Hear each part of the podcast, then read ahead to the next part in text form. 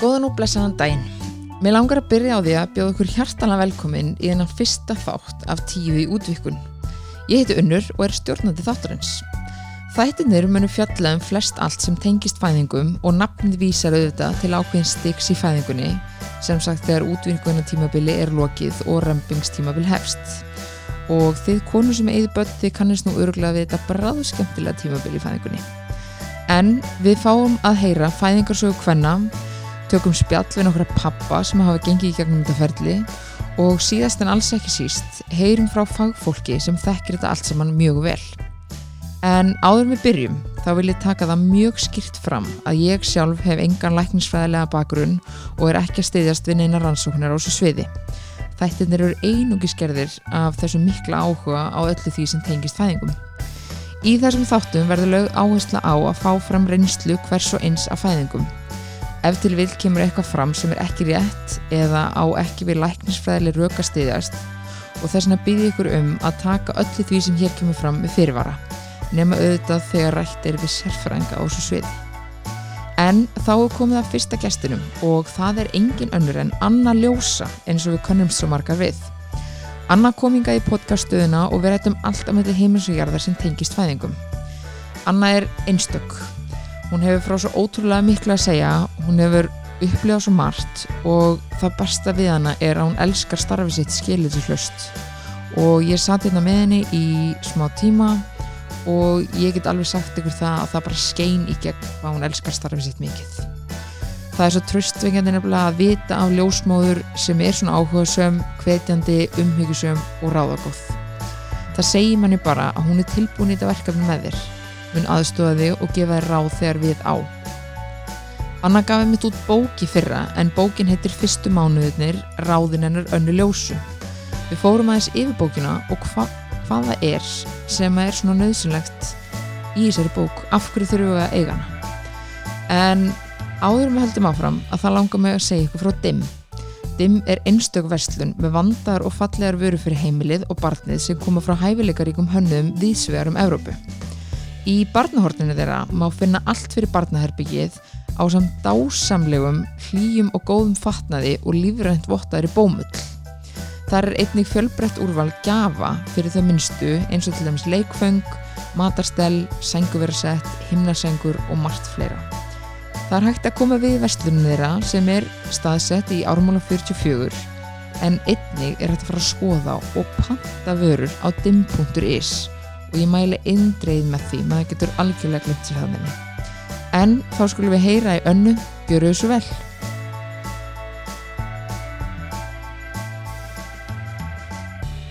Jæja Anna. Velkomin. Takk að þér einlega fyrir. Takk fyrir að hérna, taka svona velja að, að koma í þattin Já, mér var bara ána, já. Já, það er, hérna, ég get alveg sagt þér það að, að hérna, um, að því ég er nýbúin að uh, eignast barn að mm þitt nafn var mjög fljótt að koma upp eftir að ég hérna, vissi að ég var ólett og fór svona að ræða þetta við hérna, vinnu og vandamenn. Okay. þá var þitt nafn mjög fljótt að koma upp að þú væri svona svolítið eins og móðu náttúra bara. Já, já, Flóru Snædegil Nákvæmlega, nákvæmlega. En bara takk fyrir að koma, það er takk. ótrúlega gaman að fá þig. Takk. Við ætlum að þess að hérna, fara kannski bara yfir svona bara þitt hlutverk sem hérna, ljósmóðir og þú byrð að ágætri reynslu myndi ég segja. Já, var námið 1507 fættist ekki aðeins hjá mér. Nákvæmlega, 1507 já. á, þetta er bara, já. Eh, En ef við kannski bara byrja á byrjuninni? Hvenar, hérna, hvað ert búin að vinna lengi sem ljósmáður? Ég útskriðast ljósmáður 1994 byrjaði í ljósmáðurskólanum 1992 reynda var ég byrjuð 89 eh, fyrst og það veiktust mamma mjög illa og ég ákvaði þá að fresta þessu námi og, og fór svo aftur í 94 okay. neða 92 og útskæðist 94 Já, einmitt. Og fórstu strax að vinna svo á landsbytalanum eða? Já, ég hef bara verið þar alveg frá, frá því að ég útskæðist ljósmáður Já, einmitt Og hvað er svona, uh, hvað finnst þér til dæmis eins og að þetta er núna bara dágóðu tími um, hvað finnst þér svona að hafa breyst á þessum tíma?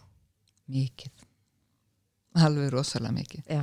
Það er bara sko, ég myndi segja kannski fyrst og fremst tölvinótkunin og konur það er það er, er ekki tvað fræðslu hvernig mamma mömmu gekk. Nei, nei það er bara, uh, ég ætla að fara að mömmugrúpuna og þar fæ ég allar þessar sögur sem að mér dettur í hug og, og sko, mér langar að fá einhverja spurningu þá bara er það bara sett út í þjóðfélagið og hún fær sko þúsund svör og, og bara mörg ógislega ljót. Já, eða þú veist þannig já, að já. það, er, það finnst mér breytingin. Mér finnst konur sjaldnar trista svona sjálfa sig eins og, já, eins og við gerðum í gamla daga. Já, og konur 94 til 2005 segjum það bara þessi eitthvað 10-12 ár 10-12 ár þær voru bara með svona hugmyndir hvernig þær ætlaðu að reyna að eiga batnið og voru ekki alltaf að pæli því um, að því að vinkonunnar eða, eða einhverji á mömmugrúpunni átti batnið á þennan hátt og var svo frábært og, og þá þarf hún að gera alveg eins. Já, já, Mér finnst finnst eiginlega svolítið sorglegt hvað við erum orðin nútíma vært.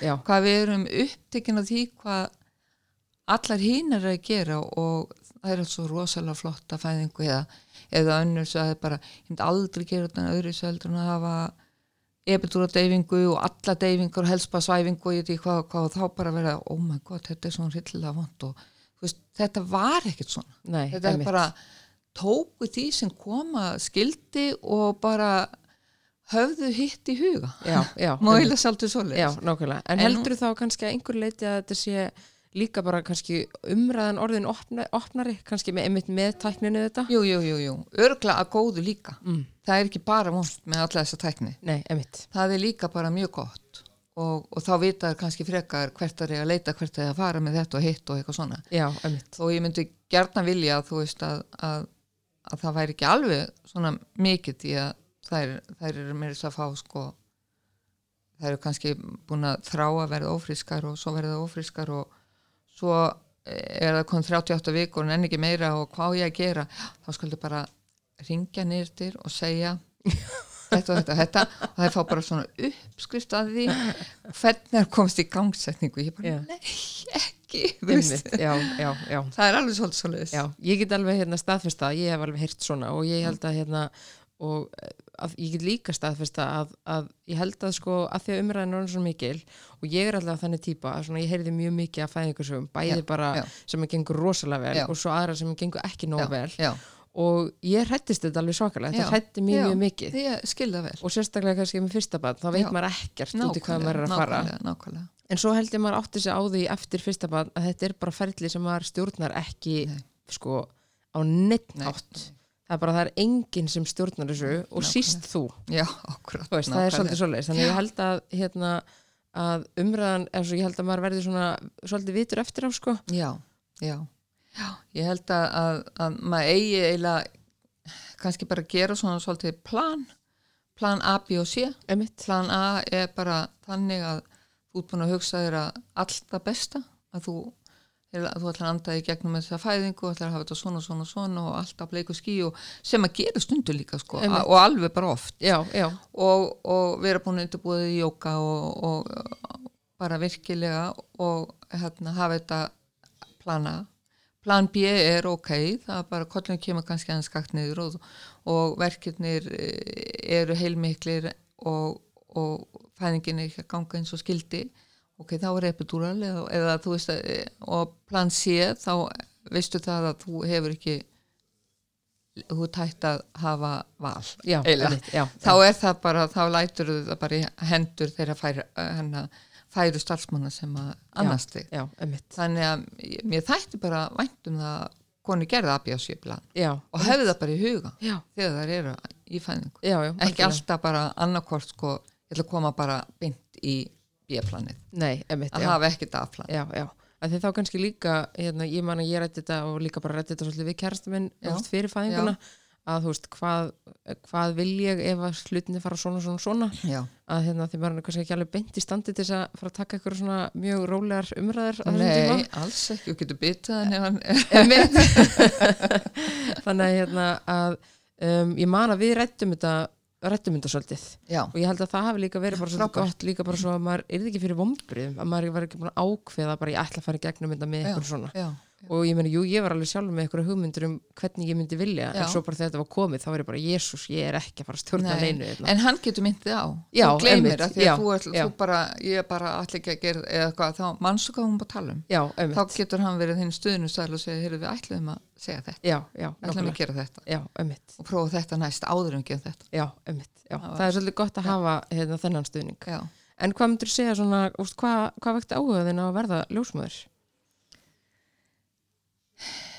mér þykir hefur alltaf þótt alveg afskaplega skemmtilt að, að vera í, í kringun svona bráða eitthvað. Eða þú veist Já. svona að, að ég gæti ekki að hafa verið geðhjúkunarfræðingur skilur að því að og ég er svo fegin að einhver vill eða, eða, eða öldruna hjúkunarfræði sko, mér finnst bara frábært að við höfum svona mismunandi en ég hef alltaf til verið svona það þarf alltaf að vera að gerast eitthvað í kringum mig Já, okkur svona hraði, Já, og Já. mér finnst alveg rosalega gaman að veita aðstof, veita hjálp og, og mér finnst alveg frábært þegar fólk hlustur á mig og það er, það er það er svo aðeinslegt við þetta starf Já.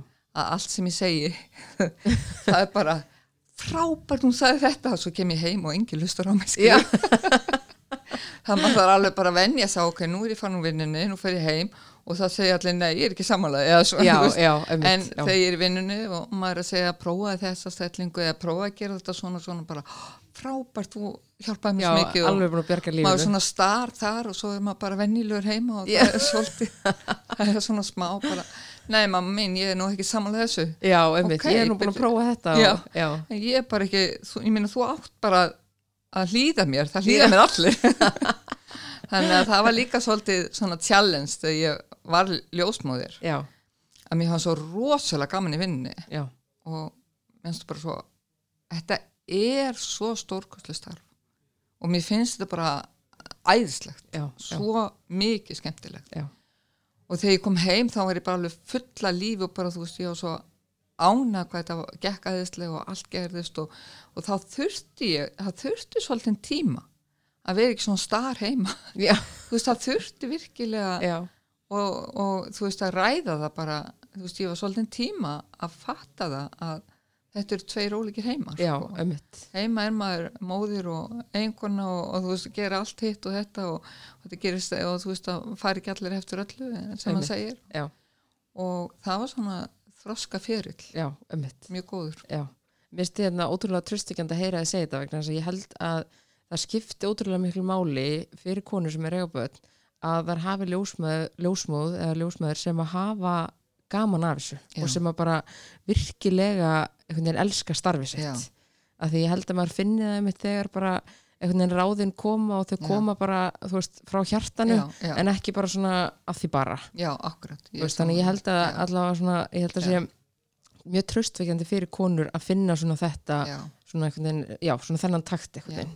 Þessa tilfinningu þú veist maður getur þegar maður hættur að gráta ef eitthvað slemt gerist þá er maður bara hætt í vinnunni Já, ég, þú veist, þetta er tilfinningaskali alveg frá upp og neyður og ég, ég græt nú ekki hver ég fæði ykkur núna en ég á mjög bátt að pappin grætur. Já, þá er bara ég er bara að reyna að horfa til hlýðar já, mér finnst alltaf mér finnst einhvern veginn mér finnst það svo fallegt Já. og ég verð alltaf svolítið meir. Þegar Já. ég sé pappan tárast þá er bara, ó, Þá svona, það hlýtur þetta þýð eitthvað mjög mikið. já, mér finnst það já, ég er alltaf bara þar að kingja svolítið þegar ég sé það Já, einmitt, einmitt. En hérna, hverju myndur svona segja að einmitt væri svona helstu verkefni ljósmóður? Hver er, hvert er svona bara þitt hlutverk? það er nú bara eiginlega svolítið að finna út hvað kona vill Já. það er ekkit að gera eitthvað að láta þau, það er gera eins og ég vil. Nei, það er bara að verða að ósk þeirra finnst mér. Já. mér finnst mjög mikilvægt að að þú veist ég minna þegar kona vill gera þetta náttúrulega hátt og, og búin að þrá það mjög mikið og, og maður stiður hann algjörlega í því og svo kemur þess að ég get ekki meira og eitthvað svona og, og að segja ekki þú fær sko ekki neitt Já, eða, þú veist, já, heldur þú lætum bara vita það er þú sem stjórnar Já. þú lætum mig vita hvenar að þú getur ekki meira þannig að þú viljir fá deyfinguna eða þannig þannig að við erum ekkert að við erum ekkert að ráskast með þar þannig að heldur ekki upplifa það að, að þó svo að ég sé eða og, mjög margar sé mjög náttúrulega sinni og viljum koma þeim í gegnum fæðinguna á svo náttúrulega hátt þá er bara það er bara ekki allir eins. Nei, og við eigum að verða náttúrulega að finna það bara sjálfur og við erum mjög flinkar við að finna það að þetta er ekki alveg að ganga. Við þurfum að grípa öðru í sinni og, og leiðbeinið þeim að sjálfsögðu. Já, og það er hlutverkljóðsmaður að vera bara stuðnistæðili og þess að tröst bara trösta manneskjan í, í, í þessu ferli. í þessu ferli. Já, að þær geti algjörlega trist á mann að maður held, ég held reyndar sko ég myndi vilja sjá bara svona e, hlutverk ljósmæri þannig að ef að kona hefur farið illa í fyrirfæðingu að þá væri bara svona teimi sem að myndi taka þess að kona að sér. Já, ef hún getur, þú veist að hún segir ég, ég bara gekk svo illa, ég ætla bara að fá keisar næst og bara hún getur mjög oft bara nánast valið að ef að geng, fæðing hafi gengið já, eða fyrir keisari út af, út af því þá getur hún uh, svona haft já, bara haft eitthvað já að eila, eila svolítið. Já, og ef hún myndi fá þessa ljó, kannski væri fjögra, fimm ljósmæra teimi sem myndi vera bara he- hennar stundisæli hún myndi koma í skoðun til okkar hún myndi kynnast okkur hún myndi vita það, hún myndi geta sagt okkur hvað hún myndi vilja ganga langt í þessari fæðingu að því að síðast hlusta enginn á mig. Já, það, ég já, hef heyrt, mjög oft heyrt það. Já, þannig að þá getur hún sagt bara annað sko, ég ætla að fá að ringi þig þegar ég, verð, uh, ég fyrir að stað eða þennan hóp. Og hún veit að við vitum nákvæmlega hvað hún vill. Já, einmitt að þið Og- fyrir búin að tala um það hún vill ekki rembast nefnir klukkutíma. Já, hún ætlar ekki að rembast aftur í þrjá tíma. Já, þú veist það ha, hafi verið ykkur það er, maður heyri þessa sögur já, já, algjörlega. Og ef við hefðum þetta þá er ég alveg viss um það að margar konu myndu leggja í fæðingu að þeir hafa ljósmaður sem það getur treyst. Já, það er svolítið hræðsla hjá konum hverja lendi á hverja já, lendi já, á. já, einmitt. Og það þótti mér svo væntum þegar ég var í MFS það er MFS stendur fyrir meðgangafæðing og sengilöga já, við vorum hérna eh, nokkra saman í hóp sem er ljósmaður og hún hérna, konan kynntust okkur flestum og var alltaf hjá einni vissri með, á meðgöngunni gat hitt svo sem á einhverja af okkur sem allar hugsuði eh, mjög svipað í fæðingunni og svo tók ljósmóðurinn annarkvað svo sem að tók á móti eða svo sem var með henni maðurvend með. Og þetta var hópur sem var ofsalega skemmtilegur. Já, og það var mjög vinsælt, alveg gífulega vinsælt að koma til okkar. Já, og það var það vinsælt að, að þessu var bara lokað. Já, ok, að það var alltaf verið að ringja heyrðu, akkur ekki tveir já, já þannig að heyrðu, þetta bara gengur ekki. Já, já, og þá var hreyðrið opnað og það var svona fyrir konur sem að talandu um breytingu það var fyrir konur sem að voru búin að ákveða það að vera grænar konur. Með, ekki háa blóðþrýsting ekki meðgöngu sykusíki bara allt eðlilegt. Ok, og þær komið þarna með því hugafæri að fæ, fæða á náttúrulega nátt já, og það þurft að fæ, færast af hreyðurganginum yfir á fæðingagang eða vildi epitúra já, ok. Og þetta var mjög skemmtileg vinna sem að þú veist úti þær vildu svo innilega vera hjá okkur að þeir þekkt okkur og, og fannst þetta það og þetta var svona starri fæðingastofur og stærra baðið og svona, þetta var svona mjög kósi Já, einmitt.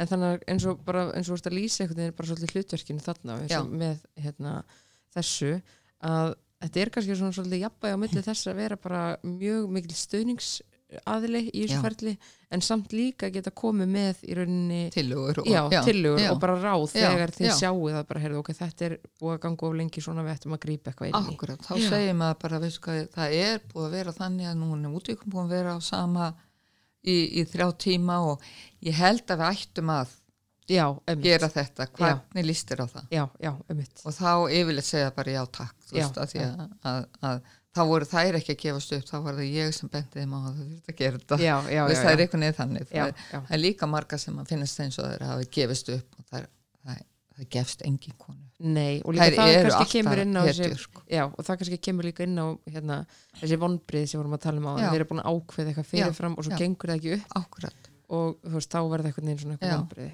Þess vegna bara myndi ég segja að allar konu ætti að gera A, B og C-plan. já, já, Það er bara, þú ert í A-planinu, þá og C-planið, þá ert þú ekki, þá ertu bara, þetta er bara úr þínum bara já. já, einmitt, já, Já. en hverju myndur þú segja að væri svona helst áskoranir? Bara ykkar, bara þín sem ljósmaður Minni áskorunir í að, já, bara í starfinu, veist, hvað, hvað er svona mest kannski krefjandi við þetta? Það svona kannski burt sér frá einhverjum mjög erfiðum fæðingum eða Já, svo en já. hver er svona helsta áskoranir? Þetta, þú veist, að þú talar um til dæmis eins og áðan með um, að ná einhverju svona sambandi við konuna. Veist, að hún hlusti á þig, veist, er það hluti af því, er það, er það áskorun? já, sko, mér finnst það áskorun bara að koma inn í stofuna, Já, að lesa móralin. já, Það er rosalega skemmtilegt, veist, þetta er bara eins og leikrið. Kemur bara inn á svið, fullt af áhrundum, eða stundum mamman og pappin og, og amman og afinn eða, eða sískin eða sískin maka eða eitthvað og það er búið að gaman, stundum er maður bara segir maður bara einlega ekki orð. Nei, nákvæmlega, bara alla fæðinguna.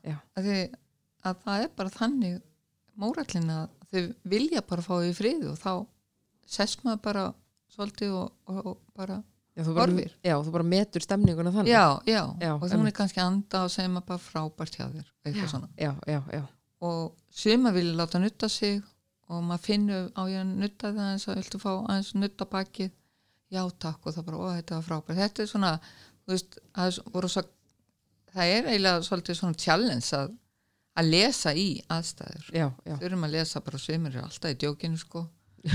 Og bara alveg, það er alveg grín allan tíma og við erum alveg bara bakvað fyrir og mamma bara ána með það. Já. og svo getur mamma sagt, vil ég þegja? já, þá þegju bara. Og mér finnst það líka aðeinslega og ég er alltaf að segja við konur þú veist, að ég fyrir ekki að ég ætla ekki að segja þig. Ég segi, minnst það frábært já, já, og ég ætla ekki að hendu síði ég hend, þú hendur ekki, ég greip það segi, þú veist þetta, Já, þú veist maður maður þú veist, það er bara, bara, svolítið já, eftir það er bara stundu þannig að það bara einhvern veginn, ef allt gengur ekki og þá bara geta svona orðið kvassarinn já, já, og svo bara, og ég öskra ég segi, nei, mér finnst þú aldrei öskra. Mér finnst konur aldrei öskra í fæðingu. Erstu það ekki? nei, mér finnst það kalla börnin og mér finnst þetta bara fallegt. Þegar ég heyri, þegar ég er fyrir framan stofur og ég heyri þetta ú, þú veist þetta, það er einhvern veginn svona sérstak þegar kollurinn er að fara að fæðast þá kemur ykkur þessi já. hljóð hjá konu. Og þá kem ég alveg ó, indislegt og með batna fæðast. Og allir bara skelfingu losnir í kring og ég bara, ó, þetta er svo fallegt. Og bara, hvað finnst þið fallegt við þetta bara heyrðir þetta, nú kemur þetta þrján mínútur og heyrðist grátur. Ó, já, Já, það er alltaf ágætt að einhver sé hérna að hugsa, hugsa þetta sé indislegt ég held að maður sjálfur sé í þessu mómenti ef maður er ekki alveg á þeim hérna buksunum að þetta sé alveg geggjað sko. ég veistu hvað, ég held að séu bara flesta ljósmaður sem að eh, fá bara brosið að heyrta já, það er bara, ó, það er nú ræðislegt nú er alveg, nú alveg fæðast já, já, já. En ég held samt að gera líka örugglega mikið fyrir mann sko, að hafa ljósmöður sem er svona einmitt kannski svo- bara eins í svona léttari kantinum bara Já. svona til þess að létta stemninguna sko, án þess að Já. það sé á mikið. Ég er alveg saman að þú veist bara finna að það er bara líka þessi róliheit og svona yfirvegun. já, já, að þú veist finna að það er ekki eitthvað svona þú veist, ég að kannski veit fyrir mig að það, það þyrfti mjög lítið til að koma út af læginu sko, bara ef Mm. Já. ég myndi finna eitthvað svona skrítið já, eða já, eitthvað. já, ég er samanlega því. Það að, má líka byrjum, sko það bondi ekki allir. Nei, og það er líka allt í lægi í fæðingu og ef þú finnur bara hvenær fer hún, þú veist, ef þú fyrir að hugsa eða, já, veist, já, já, það er bara stundum þannig.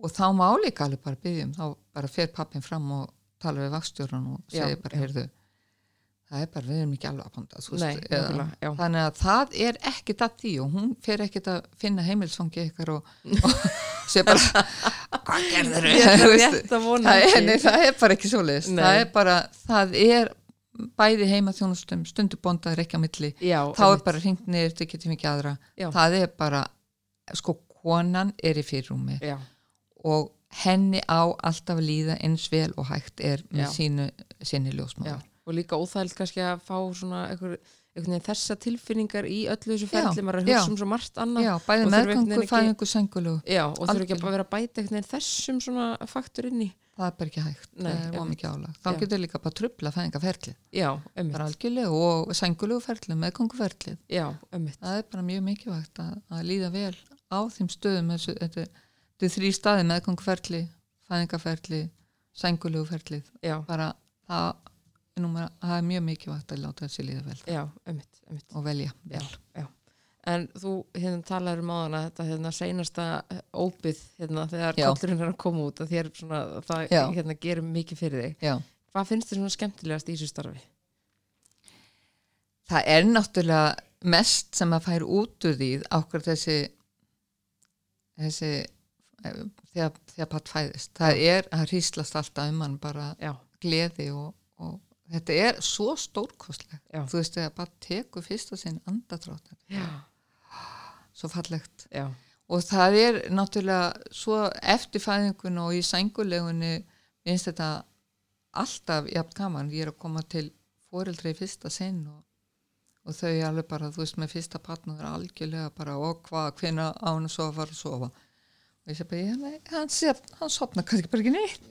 Í nótt. Klukkan uh, sopna hann ekki 10-11 ömmit. nei, það getur náttúrulega vel verið að fyrir sé bara, já, já, mjög líklegt að sé bara kannski vakandi á klukkutíma fresti til svona fimm í nótt. Já, og sé gæti svo að tekið þrjá tíma frá fimm til átta eða eitthvað. Já, og það er bara fölnað fólki. Og þannig er það bara fyrstu tvo sólurring og það kemur fólki kannski svolítið á óvart já, að hvena fyrir hann að sofa, þú veist, það er svolítið þannig og þess vegna leggum að, eða ég hef lagt það þannig upp með konum sem ég hef verið með heimatjónustu og, og fjölskyldunar að búast við því að barnið sé að vakna á svona klukkutíma, tvekjartíma fresti allan úttina Já, og svo þegar ég kem daginn eftir og barnið er búin svo þrjá tíma þá er það þvílitt það mikið samt já, ég veit það. Vá, svaf í þrjá tíma. Yes, ógislega gott En ef ég er satt að ég múna nú svo í átta tíma þá er það alveg bara dáin eftir þrjá tíma nú. Já, já, ömmit. Þannig að það fer bara eftir hvernig maður matriðir þetta onni fólk Já, þessna ræðum að svolítið hvernig ykkur líður eftir fæðingu já, það er bara hvernig kem ég inn í stemminguna. Já, nákvæmlega. get ég, já þú ert alveg með glötubrjóst. Já, Ú, þess, Já, þetta á ekki eftir að ganga. Nei, nei, nei, nei, er bara að kjötu bela já, ömmit. þú mútti gera það. Já, alveg pottet, sko. alveg af því fyrsta barn og ég myndi bara vera að koma þarna. Það væri kannski ekki ykkur ættingja sem að getu bendið mig á og væri litla upplýsingar sem væri búin að fá. Já. og ég myndi segja bara já, þetta bara að borga sig Já, bara ég sé það á brjóstunum. já, að ég sé er ekki bara, þetta er ekkert að gerast. Og þá myndi við bara, já, ok. Já, þú veist, Já, það myndi já. ekki ljósmáði gera þetta Nei, en, bara ef, þú veist, maður er einhvern veginn í þannig stöðu, maður er svo berskjaldadur þú að bara treysti mér 100% Já, já, algjörlega, já, já. En mér finnst líka eins og með hérna að því þú veist að tala með þessar fyrstu svona 2-3 daga að veit ekki hvort að uh, þetta hafi verið, hvort að uh, veist, ég hafi fengið einhverju upplýsingar um þetta til dæmis en mér fannst pínu í öllu ferlinu af því það er hugsað svo vel um mann í maður Já, hendinu öllu þessu já. Að mér fannst maður sko hérna pínu einhvern veginn viti ekki neitt bara eiginlega frá fæðingu og Mm. þangað til að maður fer heim þó svo ég hafði alveg aðganga ljósmóður og og svona. já, að, og ég veit ekki, kannski fór ykkur yfir þetta með mér en ég man það allavega ekki. Nei, en að maður er svona einhvern veginn pínu tindur eins og með svefnin, þú veist, ég vissi ekkert hvernig Nei. dóttir mér myndi svo, ég hafði ekki hugmynd um sko.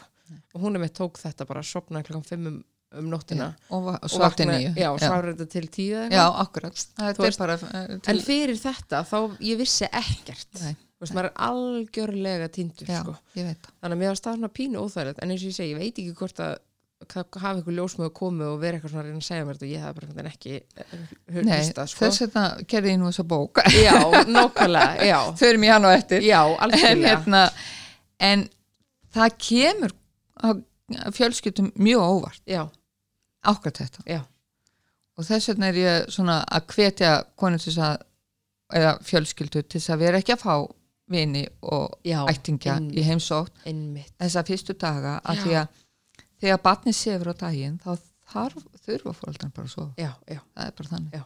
þurfum okkar svefn og svo líka uh, kennum að þeim að skiptast á því að með fyrsta barn þá kann pappin ekkit við að fara að sofa og mamman hennar reyna að reyna að gefa. Nei, já, bara ægum að, jala ég elskan þú veist, já, með- ég er bara svo Já. bara, já, einmitt. Já, og þá er hann orðin drullu þreyttu líka um morgunna þegar hann er búin að rembast við að halda sér vakandi. Þannig að þeir eru bæði þreytt. Já, einmitt. Og það á ekki vera þannig. Nei. á meðan að mamman er að gefa þá sefur pappin já, og ef pappin vill ekki sopna eftir það þá er mamma búin að vaka kannski 2-3 tíma. Já, þá er pappin búin að sofa þess að 2-3 tíma. Já, þá er hægt að, að vekja hann Já. og hann fer þá fram með batnið og, og allt þetta. Einmitt, já, og þannig að þá eru báðir aðilar bara nokkuð vel stattir já, daginn eftir. Já, já, já. Ég held líka að þetta sé rosa hérna, mikilvægur um, punktur vegna þess að Einmitt, þegar maður er kannski líka sérstaklega með fyrsta batn að Já. ég hafði ekki gert mér alveg grein fyrir þessum fyrstu dögum og vikum. já, en hérna kærastur minn á batt fyrir þannig að hann hafði gengið í gegnum þetta. Já, og mér var svo gott að hafa hann af því hann var bara, hann, þú veist, Já. hann valla hlifti fólki inn hérna fyrstu þrjár já, vikutar sko. já, að, og ég fann það alveg maður Já. hefur enga orku Nei, nei. í að vera taka mútið fólki maður veit, maður þekkir þetta batningin eitt nei, maður veit ekkert um Nákvæmlega, það maður já. veit í rauninni ekkert alveg hvar maður er statu sjálfur þannig að læra að elska barnið. Já, og bara alls konar einhvern veginn, Já, maður veit já, ekkert sko, já, þannig að, að já. einhvern veginn á þessum tímapunkti þá myndi, ég alltaf mæla með því að vera Já. að taka sér bara algjörlega pásu sko. Ég er svo sammálaður, þetta er, er því bara, ég held reyndar að því að það búið að vera, sko, það var viðtal við mig eh, fyrir nokkrum árum síðan í sambandi láta uh, mæðu verið í fríði Já. eftir að fjölskyldu verið í fríði eftir, eftir fæðingu ekki vera tróð ykkur bara ha- hangandi á húninum þegar fólki kemur. já, og það er nú margir og mjög miklu Já. meira núna að það er bara búið að gefa það út. Við erum ekki að fara að taka mútið gestum Já, fyrir en barnið er búin á fæðingaþyngd það er ágætt mál að Já. hafa þannig. já, en am og afi alltaf velkomið því þau eru þá bara kannski eitthvað að gera fyrir þau þá því þau eru ekki að fara að standa upp úr rúmi fyrir am og afa. Nei, nei, nei, þau eru kannski að koma með mat eða gera eitthvað svona. Já, mér var staðið með ótrúlega gott ráð sem að ljósmóðurinn hérna um, sagði mér að um, ég var einmitt samt, samt er maður veginn líka pínu stressaður að fá bara ömmu og afa veist, að þetta er veginn allt svo nýtt og já, maður vill líka, veist, vera svona eins og, eins og maður kunni þetta svolítið. Já, en hérna, en mér var staðið með svo gott ráð sem að, að, að ljósmóðurinn gaf mér að, að amma og afi að koma, þau að þá koma með eitthvað þau að það var að koma með mat já, já, eða já, þau að fara með ruslið eða veist, e- það, það, þau þurfa að gera eitthvað. Mér varst það mjög hérna, gott. Og þau, þau eru líka bara til í það. Við erum bara til í að hjálpa til. algjörlega, algjörlega. Og þá bæði amma í móðurætt og amma í einmitt. Og það er oft svolítið gleym já, að mamma konunar já, má fara í alla skápa já, og gá af hinn og þessu á meðan mamma pappans já. dyrfist það ekki. Nei, einmitt, já, já. Þetta er sko ég, sko, ég er að það er minn barátta núna, mín barátta núna að hvetja mæður til þess að vera jafn góðar við Já. tengdamæður sínar eins já, það er verða tengdamæður líka einhvern því, já algjörlega. Þannig að það er svolítið, þær legg ekki í það. Nei, þú veist, það er bara, þú veist hvað er þarna peysan sem að ég prjónaði á hann hérna já, þegar að hann var nýfættur, ég hef ekki séði nei, þá segir, segir mamma við dóttur sína sko. æ, heyrðu, já, hún gleym honum. Já, ég skil ekki í þér. Þú bara náttúrulega verður bara þessa peysu. Já, á meðan að, að mamma hans bara, já, hérna segi kvísla kannski á honum hvað er peysan? Já, ég veit það ekki, hún veit nei, það verður ekki það nei, já já, ég held að þetta sé alveg svolítið svona en svo fyrir þetta náttúrulega þetta líka bara eftir milli. Algjörlega. já, já, en það, ég held samt í þú sé, góð tengsl þá fer tengdamamma ekki hún í skúfur nei, og tjekka á, já, á einhverjum peysum já, og bólum mömmur gera það alveg heiklaust af því Já. það er eiga þessar stelpur. Já, en ég er ekki að segja að tengdamamma ég endilega fara á aða í alla skúfur nei, nei, en svona, þetta svona viðmið þú veist, já það er öðruvísi. Já, já, já, ég á fjóra stráka, ég á góða tengda Já. þetta sko. þannig að ég er búin að vera þar sko. Að, að ég, já, ég, ég finn eða þú veist, ég, ég veit alveg að- að ég, já, það er eitthvað svona það er, já, það er hans mörg já, já, og ég hef örgulega, þú veist, haft það eins hjá mér. Já, já, ömmit það, en ég bara, já, já. Já, til þetta áhugavert að, að pæla þessu, ég Já. hef ekkert, ekkert, ekkert hugsað þetta, en svo hefur maður örgulega gert þetta sko óviljandi. örglega, sko, þær eru alltaf svona aðeins til hliða, má ég halda. Já, og meðan mamma segir farið nú bara henni, ég ætla að taka hann já, já, já, já, bara heyrðu, nú ætla ég að Já. hérna, taka, taka smá skorpu. Já, já, akkurat. nákvæmlega. En hérna um, við töluðum aðeins um áðan svona þessar sögur þessar Mm. sögursagnir og Já. allt þetta sem hefur náttúrulega komið svolítið með hérna netinu líka og Já. bara aukin umræðu.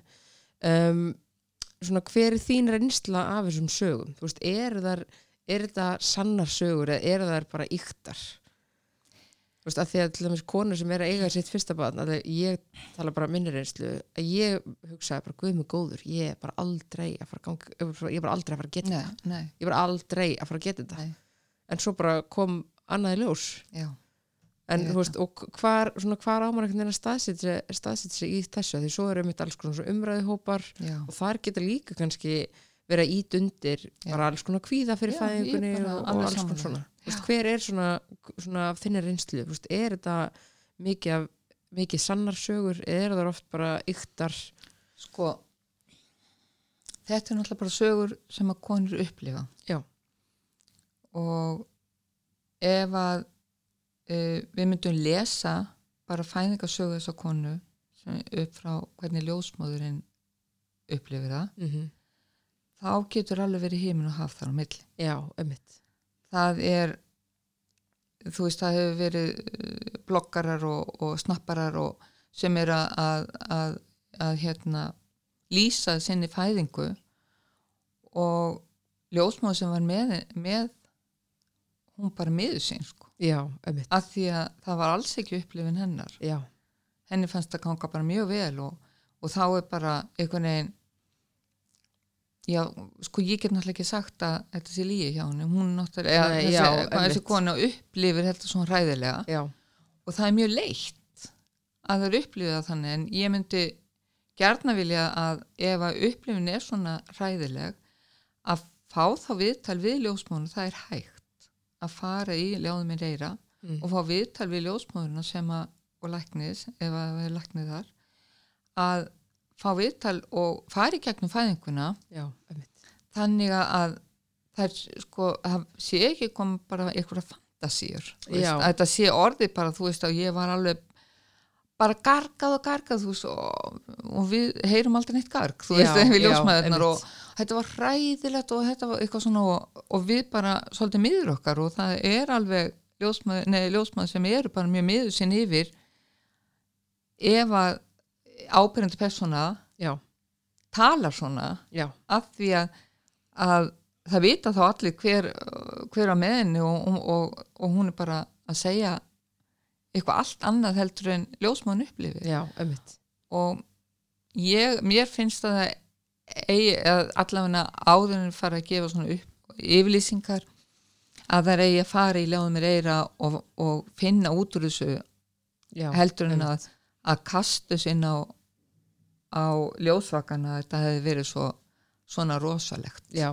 ömmit en auðvitað bara varður svona rosalegt ef hún upplifið að þannig. Já, ég, er ekki, ég er ekki að segja að það sé eitthvað lígi en ef maður les fæðingaskýtlun er hún allt, allt öðruvísi og Já, það já. væri bara mjög gott fyrir þessa konu sem að upplifa svona hræðilegt að kannski ekki endilega vera að segja öllum frá því. Já, fara fyrst í ljáðum mér eira og fara í gegnum fæðinguna og tala svo. Já, ömmit að þetta getur náttúrulega líka sko eins og með hérna þegar konur upplega svona erfiða fæðingu að þetta getur náttúrulega líka bara verið kvíði ef það er alltaf eignast annað bat Já. kvíði fyrir næstu fæðingu. Algjörlega.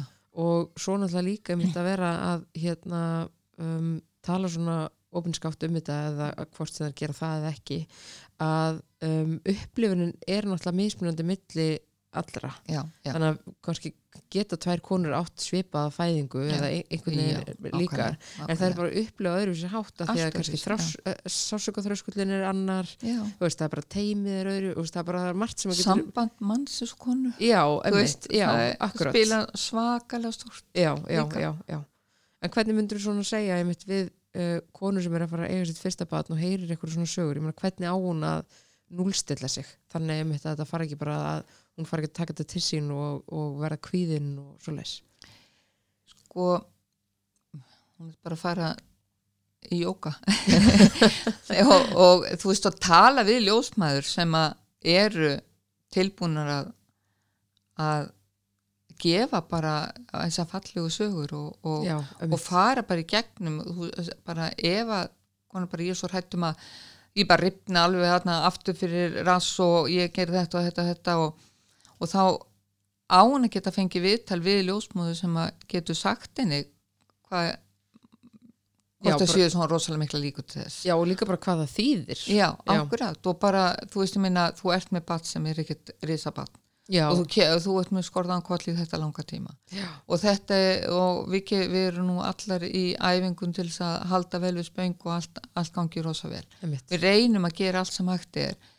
En sko það bara, þetta er bara þetta að treysta og það getur allt farið, við getum ekkert gert í því. Nei, Þú ert að fara að fæða fyrsta patnið, Já, hvað ætlar að gera? já, allar að vera bara í kvíðakasti mm Mhm. þannig að þú fæðir, vera öll stíf og ómöguleg eða allar að bara taka A, B og C plan? Já, og taka þetta A plan fyrst og vera að íta þessu hérna þess að hræðsli burtu og endilega tala við þann sem vit hefur, ekki vera að tala við ykkur sem að sko á netinu í ykkur mömmuhóp eða í ykkur já, bara eitthvað skrí, eða, veist, skrimslahóp þú veist, ég meina Já, já, að þetta var hræðelt og nú skaldi ekki fara að þennast að þetta er hræðelt að, að fæða þar. Einmitt. það er ekkert, sko, maður heyrir oft bara ekki fara að fæðingadeildina e, e, e, Já, ekki inn á gera þetta fæðingavakt á landsbytalunum Já, það bara fullt, fullt, fullt af frábæri fæðingu þar og frábæri ljósmaður allstæðar á landinu og, og, og það er ekki þetta að velja fyrir aðra þó svo einhver Nei. hafi fundist annar staði vera miklu betri þá er ekki vist að, að þér finnist það að- Og þar kemur náttúrulega bara upplifunin og hún Já. er bara mismunandi mi- milli Já. allra. það er bara mjög mikilvægt að ef að koni með áhyggjur þá á hún bara að fá að ræða við þann sem vitið hefur Já, ekki við þann sem að sem að lendi í vesinni heldur bara að tala við ljósmóður og, og fá bara panta bara tíma að geta rætt þetta við ljósmóður Já, einmitt. einmitt. algjörlega En að því við erum búin að tala kannski svolítið mikið um hérna konu með fyrsta barn Já. um, er mikill munur uh, á því, á svona á fæðingum hjá um eitt frumbyrju og svo konu sem hefur kannski 8-3 börn? Já. Það er mikill munur. Þetta er til dæmis einsaga sem ég er búin að heyra oft og það er gott að fá það staðfest. ég segi stundu þegar ég er með konur í heima þjónustu það, það maður á bara eiginlega eiga annar batt fyrst var gengur svo já, já, gengur svo hratt. Já, yfirleitt uh, konur sem fæða óvart í bíl á leiðinu spítala það er að fæða batnum og tvö. Af því að þær skýringin. ætla ekki að fara inn á spítala og verða fyrir því að vera hann í átjón tíma eins og síðast. Já, þannig að þær kom ekki fyrir eru bara bara já. þannig að þá er það að fæða bara rétt eftir að koma. Já. það er lang oftast annar bara þeim fyrir þannig. Já, en er þetta þá, er þetta bara læknisfræðilegt, er bara líka með þau þetta að gera þetta áður og, veist, en skiptir þarna máli hvort sé stutt að milli eða langt að milli? nei, skiptir ekki Nei, ok, mér finnst það ekki, nei.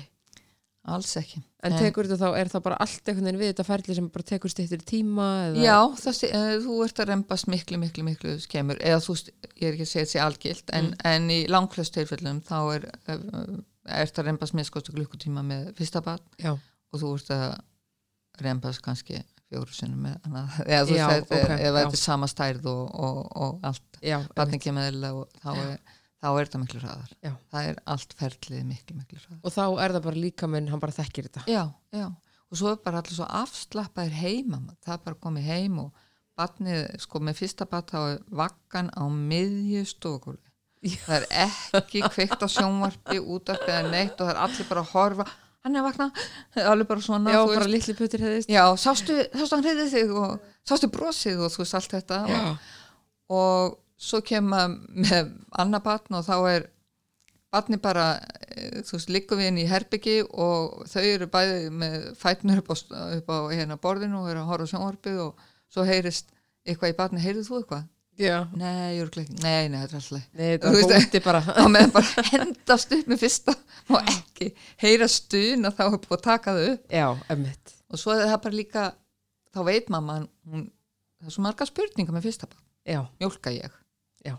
Get ég þetta, get ég þetta? Er ég, er ég, get ég verið get ég vaknað á nóttinni get Já. ég, get ég þólað þessa ábyrð Já. en þegar með annar barn þá þetta. Þú er búin að gangi gegnum þetta algjörlega. og maður er svo afslappaður maður er ekki að láta kotta bak við batnúmi tvö til að taka myndir og segja að hann hefði setið þryggja mánu það bat fær bara það fær bara að liggja á mánu og bara fær að liggja á gólun og það sest upp sjálft. Já, emmitt, emmitt en er þetta sko að því ég emmitt mann eftir það var bara einhvern veginn hver klukkutími þetta bara fyrstu vikurnar, þú veist, maður var einhvern veginn eins og eitt stort spurningum, Já. bara hver, hverjum einasta klukkutíma.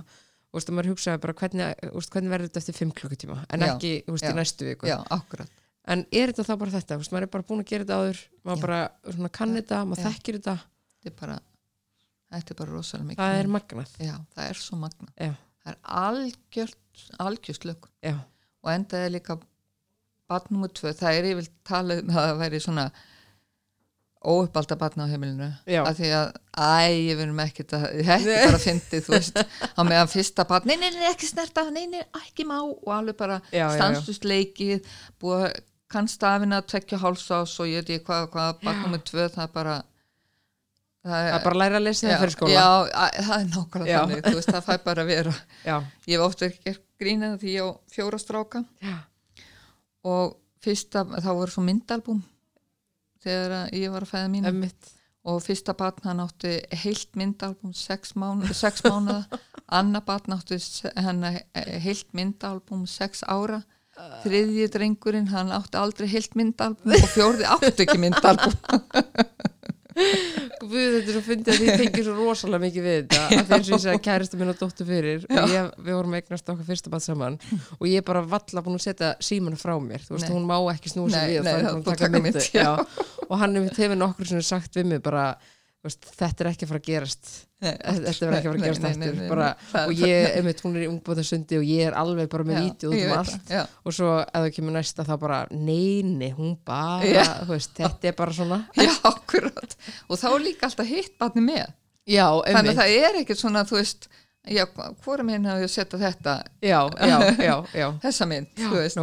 en þetta er hrikalega fyndið. En það er mjög gott að fá hérna svona staðfistingu á þessu einmitt að, að, hérna, að því að maður heyrir oft sko e, svona þessar einföldu eða svona þessar þægilegu sögur Já. með annað barn Já. og kannski þriðja og fjórða og svona já. en einmitt þessi svona fyrsta fyrsta fæðing getur þá verið kannski svona mismunandi krefandi já, já, einmitt. er það Já. já. en hver er svona helsti munun á því að vera gangsettur og svo bara að láta líkamann eða eða þegar bara þegar líkamann fyrir sjálfur að stað það er bara heilmikið munur.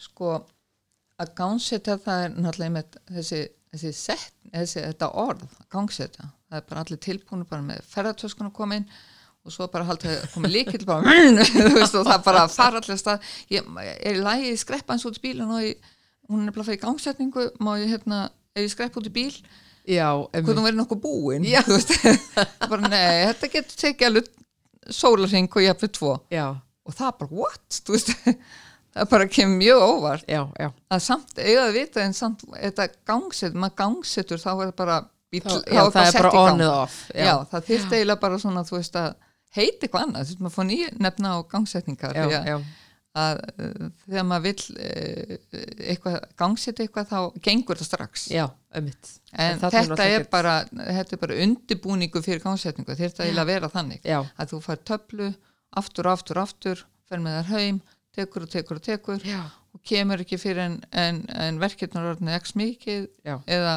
eða hefur ekkert gest þá kemur þú samt eða þú veist þetta er svona skipulagt allt fyrir þig. Ömmitt þú hefur ekkert þú ert, þú ert alltaf að býða já, já, eftir já. og þá ertu kannski að býða heila nótt og ofta spennandi og þú ert með fyrsta batn og svo ertu svo drulluð þreytt loksins þegar þú kemur í fæðingu um morgunin og Já. þá er þreita og verkir alls ekki að bonda saman og þá fer þetta alveg yfir í B strax og jáfnvel yfir í C já, já, þannig já, að, að hérna ég held að við þurfum að undirbúa svolítið í sambandi gangsetningu að búast ekkert við því að fara í gangsetningu eins og bíl. Nei, að þetta getur tekið sólarring og þú ert að koma að mótni og ert að fá þessar töflur og þú ætlar, þú stefnir á því að reyna bara að kvíla þig nóttina að því þú ert ekki að taka töflur nóttina ef þú ert ekki komin í gang einmitt, já, og hætta því að vera að sko finna fyrir ykkur smá sandrátt við segjum stundu þú hættir ekki að tala í verkjunum þá skal tala við okkur. Já, já, þú já, veist ef það er að fara náttúrulega náttúrulega langoftast ef batni kemur rétt niður þá gengur það bara mjög vel. Já. þá ertu að fara að fá verki og fljótlega verða þið 35 mínútur milli og þeir haldast 2-4 mínútur já, 2-3 mínútur og haldast bara alla fæðinguna og hún gengur bara smúkt já, en svo ef kollinu kemur rangt niður og eða þá eitthvað e, þarf að gangsetta eitthvað Já. þá er þetta svona öðruvísverðli já, ömmit en verður einmitt eins og í þessari gangsetningu að, að hérna um, ég fór sjálfu í gangsetningu og Ok. einmitt svona vissi ekkert alveg hvað þetta var, ég þurfti bara að taka okkur töflur Já. og það er svona, ég heyrði mjög mismunandi sögur um það já, hvort þú kláraðir alla töfluna eina eða hvort þú varst búin að taka tvær og svo fór alltaf flug. Já, og svo, svo ert þú alltaf lúsir því að það var marga sem tóku bara tvær og allt fór á flug. Já, og einmitt, svo, þú ert að taka bara algjörlega. tíu bara hvað ég er búin að tapa strax. Já, já, já, já, einmitt, algjörlega sko, en er hérna uh, svona önnur einmitt svona saga sem maður hérna, hefur heyrt og ég kannski upplýði líka bara pínu sjálf er, en hef samt á, þar á móti engan samaburð um, eru hríðarnar harðari? Veist, fer þetta af stað með meiri krafti heldur en eðlileg? Sko það er svolítið erfitt að segja því að mjög oft eru ef verið að gangsetta konu kannski er hún komin 41 vik og 5 daga mm -hmm. og þá, er, þá getur vel verið að kollun sé eitthvað skakkur og er kannski að koma eitthvað rangt niður og þess vegna kemur gangsetning eða þá að sé verið að gangsetta þig út af eitthvað sjúkdómi. Einmitt, þannig að, að það, þetta er náttúrulega alltaf stórt inngrip. Já, og það er veist, það er ekki alla sem upplifa það sem eitthvað hræðilegt. Nei. En þær eru öruglega ef við myndum taka dæmi bara 100 konur í eðlega fæðingu og 100 konur í gangsetningu. Já, og þá myndi að finna meira öðruvísi fyrir einmitt. gangsetningu Já, já. það er því að það er að svona, já. það er verið að þú færð þú, þú ert bara átt að vera komin í þennan feril á þessum tíma, þú er svona já, bara já, feril sem búið að skipuleggja. Þú ert byrjið í gangsetningu og ert ekki komin í gangsetningu þarna, þá kvílustu þarna síðan byrjar aftur í gangsetningu og eins fljótt og hægt er, sprengtu belgur og þú er svona Já. inngrip eftir inngrip, já, einmitt, en í náttúrulega fæðingu getur bara fætt í belgjum já, já þú veist, það er, það er þú veist, já, Já. Það er, þannig að það getur alveg verið tölverið munur þarna á, en svo getur líka bara verið lítill munur Já, Já. en um, mér finnst það bara konum ætti að vera aðeins þólu með móður. já, já, Þú veist, ég, það er búin þrá, eða þú veist, ég veit að, að, að, að ég er búin að upplifa fjóru sinnum að, ganga með batn og, og auðvitað var ég ógeðslega pyrruða 37 vikum langa, döðlanga að fara að eiga og allt þetta.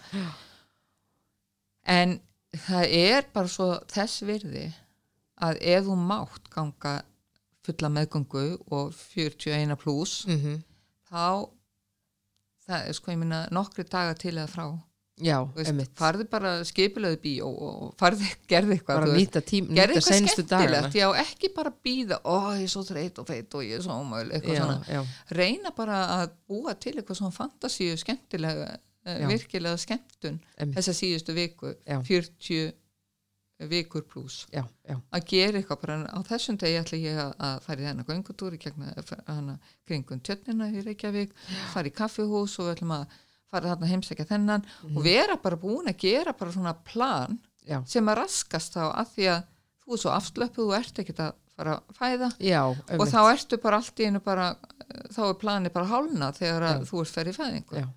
Við þurfum eiginlega ekki að fara að býða nei, það er bannað það að býða við eigum bara, ert heilbrið og gengur eðl, allt eðlilega fyrir sér þá áttu bara að gera svona svona skemmti prógram frá 39 vikum, já, já, bara hverjum degi já, já. Og ert heldur líklega- að þetta með að hérna býða að því að þú veist þetta er svo mikill óvissu Já, tími já. þarna heldur að þetta með að býða, heldur að þetta hafi áhrif bara á andlega líðan, bara eins og í fæðingunni og fyrstu, kannski hérna vikurnar og svona Já, mér sko það er líka að því að talandi um netið Já. þú ert alltaf að, að láta alla verða fyrir vombrum og sért ekki komin á stað. Já, ert alltaf að það er endalist verið að spyrja endalist verið að. Já, en þá er líka svolítið sniður 39 vikur og segja þá bara við ætlum að eiga patnið að, e, e, sem sagt, fyrir þennan tíma Já. og hafa 42, 41 viku 6 daga til dæmis. Já, við dagurinn sem við mega að byrja að ringja já ef einmitt. erum ekki búin. Já, já, veist, það, er, það á ekkert að fara að byrja nú ertu 37 vikur, nú ertu ekki lengur með fyrirbyrja hvernig ætlar að eiga? veist, þá er 5 viku þanga til. Já, getur mögulega verið senst akkurat, og það eru hverjum degi fullt af síntölum og ég veit að það eru allar sem að upplifa það. Já, algjörlega og þess vegna er bara mjög sniðut að búa til eins og ég segi, skemmti prógram. Já, já, og láta fólk vita það því ætla að fyrir gengu fyrir þarna og gera Já. þetta og, ég held einmitt maður þurfa að vera meðvitaður um þetta að um, að því að það er einmitt allir að spurja. Og ég held að maður, ég, ég, ég hef sjálf bara gert þetta að Já. vera einhvern veginn alltaf að spurja og bara jæja, jæja, en svo eru þú veist, það eru mæður, það eru ömmur afar, Já. það er, þú veist, makin er líka bara eitthvað svona, jæja, er, finnur eitthvað? og það eru sískinni, þú veist, það er svo mikið í gangi þannig að ég held bara að maður þurfa að vera ótrúlega meðvitaður um Já. þetta. En svo einhvern veginn bara oft líka samt er maður líka bara svo spenntur að maður getur ekki annað en spurt sko. nei, nei, nei, nei, það er alveg rétt sko Já. og ég skil það vel og ég skil alveg, þú veist mömmur og tengdamömmur, ég er bara svo heppin að taka móti batnabötnunum mínu þannig að ég þarf ekki aldrei að spyrja hvernig gengur.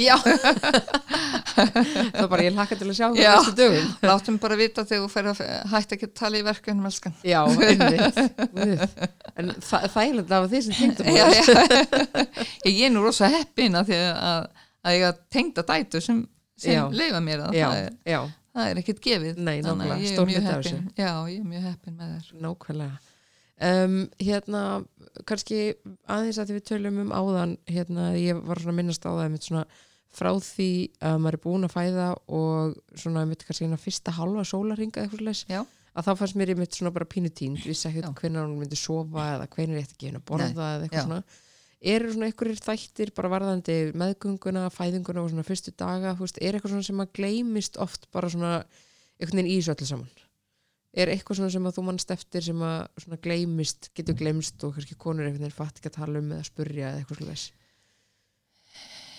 sko eftir eh, það er náttúrulega það er mjög rosalega marga sem að tala um það hann er svo rólegur eða hún er svo róleg.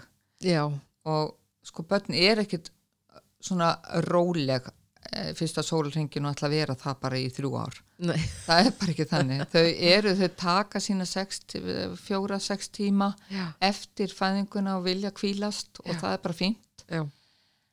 En, en endilega það á bara að íta við barni eftir það já, á svona tveggja háls þryggja tíma fresti yfir daginn, leifa því þá aðeins að, að, að ráða svolítið nóttunni. Já, að því að, að prólastinni sem að stjórnar mjölkuframleyslunni er svo virt þess að tvo sólringa og ef að barnið er svona indislega rólegt og dásanlega þess að tvo sólringa þá var það það alls ekki eftir það. Nei, það er svo hungrað og fær enga mjölk Já, veist, að því að framleyslan er Já, ekki komin í gang Já, einmitt. framleiðslan fer rosalega hratt í gang ef þú ert duglega að leggja á þennan tíma. Já. Og það er mjög, sko ég minna það er bara um að gera kvílast fljótlega eftir fæðingu þegar búið er að leggja fyrsta sinna brjóst og svo komið þið niður í sængvenna ganga eða farið, eða, eða farið beint heim og, og ef að barnið er búið að taka einu sinni vel, vel brjósta þá gera það aftur og, já, og það, það, þau eru ver, verða svolítið það er svo fyndið, þau eru svo dugleg strax eftir þau fæðast svo er eins og verða bara smá Já, bara pínleita stund sko, bara svona í nokkra klukkutíma hann gæti að fatta hvernig á að taka brjóstið aftur. Já, já, já, það er eins og þau gleyma þessu. Já, einmitt. Og þá er, kemur náttúrulega til hjá okkur.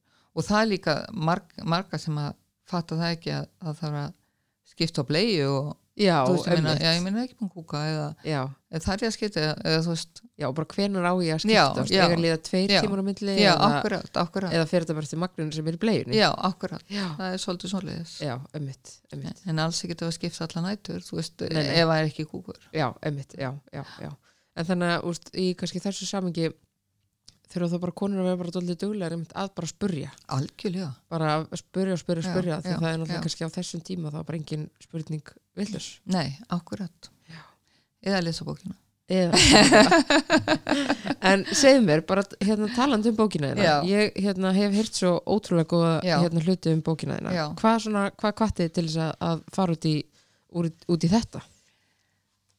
Það var nú eiginlega bara ég var í símanum allan sólringin Já, þegar maður er með svona mikla reynslu já, og mér þykir, eh, þú veist, og ég, ég gef alveg skot á mig sko. Já, mér finnst rosalega gaman að veita upplýsingar. Mér finnst alveg rosalega gaman að, þegar að konur leita til mín og ég gef ráð og þau eru skotelt Já. þú veist, mér finnst það bara, ég fæ alveg opaslega mikið út úr því. Já, en, en svona eh, í ferðalögum og annað þegar ég var bara endalus í símanum já, þá hérna fór ég, maður þarf að vera afskaplega vel giftur um að ljósmóður já, það er bara, ég er elskandi símanum. Ég ætla á hans að hérna, eh, þú veist ok, já, þú já, veist það. Já, og ég var alveg bara, það var margra eh, klukkutíma samtal oft. Já, og ég er náttúrulega byrjaði heimaþjónstu 94 þegar að heimaþjónsta byrjaði. Já. og ég gerði það og mjög skipilögð að ég skrifaði alla spurningar sem konur spurði mig. Já, og skrifaði svörin við þeim. Já, og svo e, setti ég inn, inn tölvu já, og á hverjum einastegi vá, alltaf ef ég fekk nýja spurninga og fór þeir í tölvuna. Hvað varst komið stórt skjál? það var orðið bara sko þessi bók er 187 blaðsjur og svo var ég oft eða þú veist ég var oft spurð að því sko. Já, Anna átti ekki svona, akkur býr ekki svona trikkbók já, veist, og, og ég var alltaf með þetta þú veist, mér langaði að gera þetta og ég hafði verið búin að tala um þetta svolítinn tíma og, og að mér langaði að þú veist, að hafa bara einhverja bók sem að sem að konur hættu að vera á netinu. Já, þessi bók kemur aldrei til með að fara á netið nei, að því að þessi bók er einmitt e á bara að vera í sófanum sko. já, já, og bara já, það eru, ef þið vantar svar við spurningu já, um grát á nóttinni, fyrsta daginn, fyrstu sólringin, hvað kemur óvart uh, er guppa og allt þetta sko, já, að þá það er það bara í bókinni. þá er það þar. Og, og hérna svo var það þannig að ég var með hana uh, Silvíu Rutt sem að skrifaði bókina. Hún hérna, ég var með henni heimaþjónustu og hún saði ykkur tíma, það er mörg ár síðan eða nokkur ár síðan og hún saði við mig, Anna, akkur ert ekki bara, að því allt sem ég spyrði það bara, þú bara veist þetta. Akkur ert ekki, ég segi, ég reyndar langt komið bóksi eitthvað svona, eða þú veist, ég skrifið allt niður og, og svo var það ekki neitt úr því að við töluðum eitthvað meira um þetta. Og ég var komin ílega svolítið á fullt fyrir einhverjum fjórum ára síðan og talaði við eina sem að ætlaði að, að vera með mér í þessu. Já, en hún þurfti að fara eh, til annar starfa og ég var eitthvað svona að spá að láta fóreldra í friði þegar að fyrstu dagan eftir fæðingu. Já, og þá segir hún eitthvað svona ég mani tala um bókveiði eða ertu ekkert búin að pæla í þessu? Ég segi, jú reyndar er bara eiginlega hún er bara mjög langt komin. Já, og ég er með mjög mikið og hún sagði ef þú ég er allt til ég að vera með því, segir hún eitthvað svona. Og ég segi Já. já, ég hérna svo talaði við hana. Og hún ætla bara sko ótrúlega dögleg og, og vinnusöm og, og hérna setti þetta ofstæðlega skemmtileg upp og, og það var alveg uh, hugsunni hjá mér að hafa aldrei einhverja myndir í þessu sem að gæti orðið gamlar. Já, þú veist eins og ljósmyndir með glerun og klippinguna og málingun og eitthvað hérna. þannig að það eru alla teiknar þessar, þessar hérna, myndir í bókinni. Já, og það, er, það var hún Ester Viktoria eh, Ragnarsdóttir og, og hanna Ari Arnaldsson sem að er kærastan hennar ok, sem hafa teiknað alla myndirnar. Ömmit, og ég var bara svo heppin að hitta þau á réttum tíma og, og þannig að þetta small. Ofsalega fallega. Já, og hvað er, uh, hvað er að finna í þessari bók? Bara allt. sko, mér finnst það náttúrulega. Já, já, en hérna það er bara þú veist að bara, uh, bara undirbúningu við fæðinguna, spítaltaskan óvænt heimafæðing Já.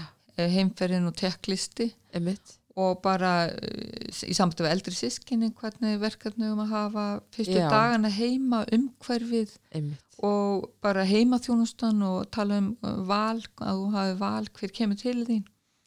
Og heimsóknir og þreyttar mæðu grá- gráta. Og ég er að tala um bara hvað getur komið óvart þegar barnið kemur í heiminn? Bara höfulægið og, og hérst þú myndir eignast fallegasta barn í heimi þá var allt inn með risa strítu og klest nef og skakt og krumpað eir og bara, en þú elskar það samt allt. Já, já, en það kemur kannski svolítið óvar hvað, og bara akkur svona blár og allt þetta. Já, og bara eh, sko svona ullahár, svona loðinhár á, á, á barninu og storkabit og englakossar sem að fóstu fýta, stór kinnfæri veist, eh, mikið hár og blettir í andliti fæðingabletti, valbrá, hvítunga, nafli, naflaslit, allt þetta, það já, er það allt er í þessu allt já, og það er hafa mjög marga þegar það byrja þá geta það bara ekki, þú veist, hætt að bara Nei, ég bara heyrði það á því núna, ég bara, veist, alveg, Já. langar alveg að lesa Já. bara nánast allt það Þetta er sko bara blóðmissi hvernig líðan eftir mænudeyfingu, fyrstu salertinsferðina, þær koma ofta óvart. Já, Það getur bara pissa bara eins og eitt. Já. Illinað, umhyrða saumana, útrísing, reynsunin, kynlíf, Já, þú veist brjóstakjöfum hvernig hún gengur og bólgur og stíplur og fær botni nóg og sumar get ekki haft barnabrjósti og einmitt. þá er það farið í gegnum það og þú getur verið mamma fyrir það. Nei, veist nei, nei, nei, að nei. á alþjóðlega tungumálið Já, þessi fimm orð sem börn segja ég fer í gegnum það í bókinni og Já. bara umhyrða bara húðin og þurrkur og, og uh, hvernig þú ætti að baða og ekki nota sápu og skáni hásverðunum ungbarna nuttið, naflastrengun, augun stípla niður hiti, erðsýrjus ég tek allt, já, allt í þessu bara þannig er þetta bara frá því uh, hérna uh, er þetta á, á meðgöngu, er þetta líka upplýsingar um meðgönguna? Nei, þetta er eiginlega út af því þú getur það er svo mikið til Já, já, um meðgönguna, það er Já. svo mikið til um fæðinguna og það er svo mikið til um uppeldi. Já, það er til um bók uh, fyrstu þúsund dagana, það er þrjú ár. Já, einmitt. Það er, það er rosa, Rosa mikið Stór- sem það er að gerist svo á þessum stórt, tíma. sko. Já, já, þetta er þessi fyrstu svona mánuðinni sem að þúsund spurningar eru. Og það þarf svo mikið ákveður, akkur um þessa bólu hvað ég ger með gröftu ég já, stíplanef, allt þetta þú veist. Einmitt. Og þá er bara ráðið þessu öllu. Já, þannig að eða, þú veist, ráðin, þú veist, þetta er ekki ráð sem ég bjóð til þetta er bara ráð sem að við ljósmaður gefum en Já. ég var bara svo klára að vera búin að gera þessa bók en það er ekki og bara skrifa niður hjá það er alltaf spurningar og svör, það er alltaf Já. bara magnað það er bara eins og ég skrifa niður hver einustu fæðingu sem ég tek og það eru Í alvörunni? ein- ég er búin að gefa hérna er 1507 fæðingar ertu ekki að grínast? Nei. Vá, það Já. er magnað já, ég hef bara alltaf, ég hef svo mikið tölmannskja sko. Ég tel alltaf tröppu sem ég geng niður og svona Jésús, vá, það er magnað Já. Er flott hjá þér? já, það, ég byrjaði á þessu bara sem ljósmaður nemi og hef búin að skrifa Jesús, fæðingar já, Það er magnað já, það er það Já, og líka hvernig kannski fyrir það að þú veist, renna tilbaka kannski bara, þú veist, nokkur ár að þá bara, já, það er hringja stundum í mig Anna, hvað, hann Baltasar, númer hvað hérna, hvað var Já.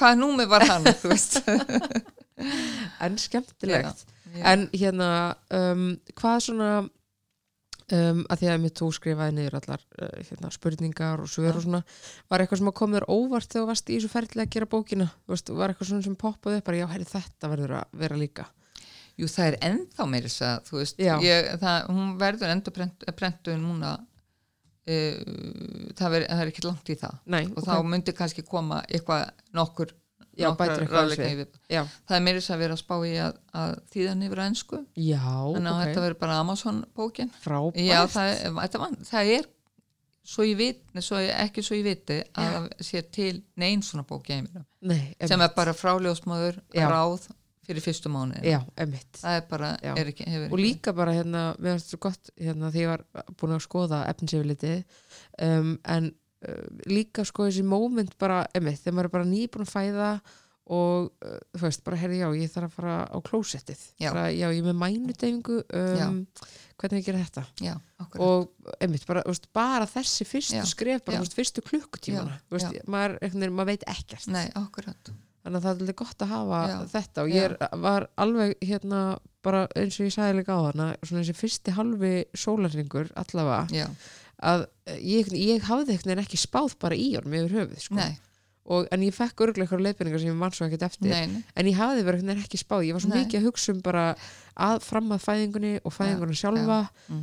og svo bara veginn þegar veist, hún var komin í heiminn og þá var ég bara já, betur hvað hérna? Já, að einhvern veginn þessi tími frá því hún Já, fæðist já. og þá til maður fer heim veist, það geta alveg verið veist, nokkur Já, klukkutímar upp í já, og ég var bara ekki búin að hugsa út í þetta.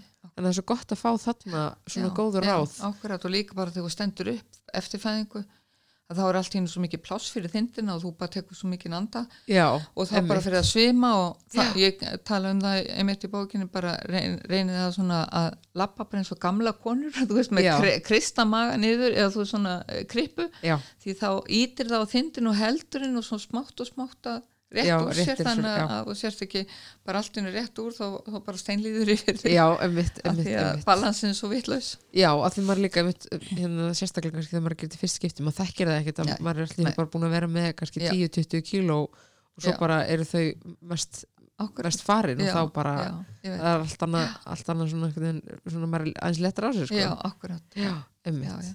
En hvar hérna, hvenær kom þessi bók út?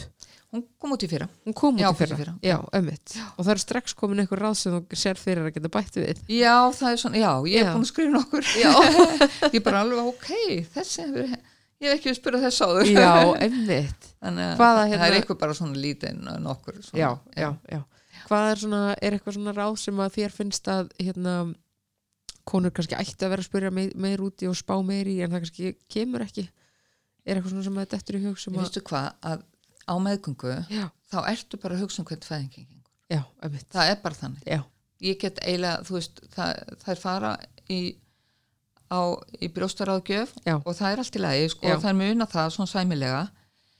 En að fara að segja frá að þegar þú fer að klóst þá skaldu gera þetta þetta og það, barnin getur verið, þú veist, með bólur og eitthvað svona, það er ekkert hægt að gera það. Nei, það er, það er bara eitthvað, þú bara stefnir á þessa fæðingu. Já, og svo þegar fæðingin er búin já, þá ætlar að fara að meika allt hitt. Já, það tekur eitthvað annað við. Það er ofsalega skrítið Já, það. Við, það er bara eins og þegar ég kem fyrsta sinn til konu eftir fæðingu þá er ég ekki að segja henni frá batanlættinskoðunni eða, nei, já, eða ykkur sem er eftir þrjátaga já, það er bara, það er bara næsti klukkutími bara, já, nú vaknar barnið á þessum tíma fresti eða, eða íttu við og, og tekum á þæginu og getum við raukt í pissinu fyrst til að byrja með og þú veist allt þetta maður bara fræður um það sem getur fræðilega að koma óvart henni fyrsta sólring já, nákvæmlega, þannig að Það- Já. á þessu mómenti er bara frekar stuttur. Já, Já. og svo eftir, svo gerum maður hverjum degi, svo á fjórða degi þá sér maður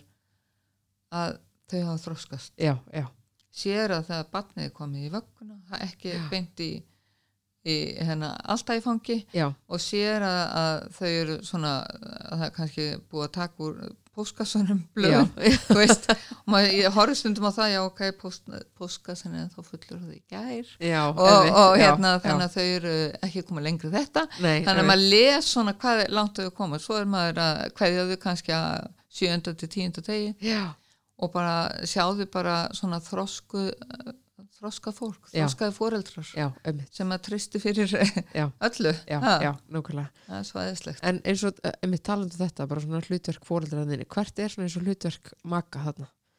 Veist, bara bæði líka í kannski ekki fæðinguna og svo þessi fyrstu dagar veginn maður er bara algjörlega í sko, maður er algjörlega að upplifa sikkondin hlutin og manni líður allt öðruvísi örgla og veist, hva, hvert er svona hlutverk maka þarna? Sko ég vorkin stundu svo til mögunum sko. Þeir eru ekki með brjóstinn þeir ekki, geta ekkert ge- eða þú veist, þeir geta ekkert aðstóð eða þú, þau náttúrulega geta þeir geta, ekki, þeir geta ekki tekið við af þér. Nei, nei, það er bara þannig. Það er ekkert bakkaplan sko. og já, og það er eiginlega svolítið mikla kröfu sem er gerða á makan og þeir standa sig alveg ótrúlega vel. Já. og ég segi þeim mitt í bókin líka hrósiði þeim. Já, hrósiði þeim fyrir hvað þeir eru duglegir, þeir Já. eru á fullu elda, elda matinn, kaupi matinn ná í eldri börnin, gera þetta, gera hitt láta þeir fá vatn já, og gera allt fínt og allt þetta sko. Sem að var ekkert í gamla daga. En Nei, það er samt sama við höfum ekkert þroskast með þessum pöppum eiginlega.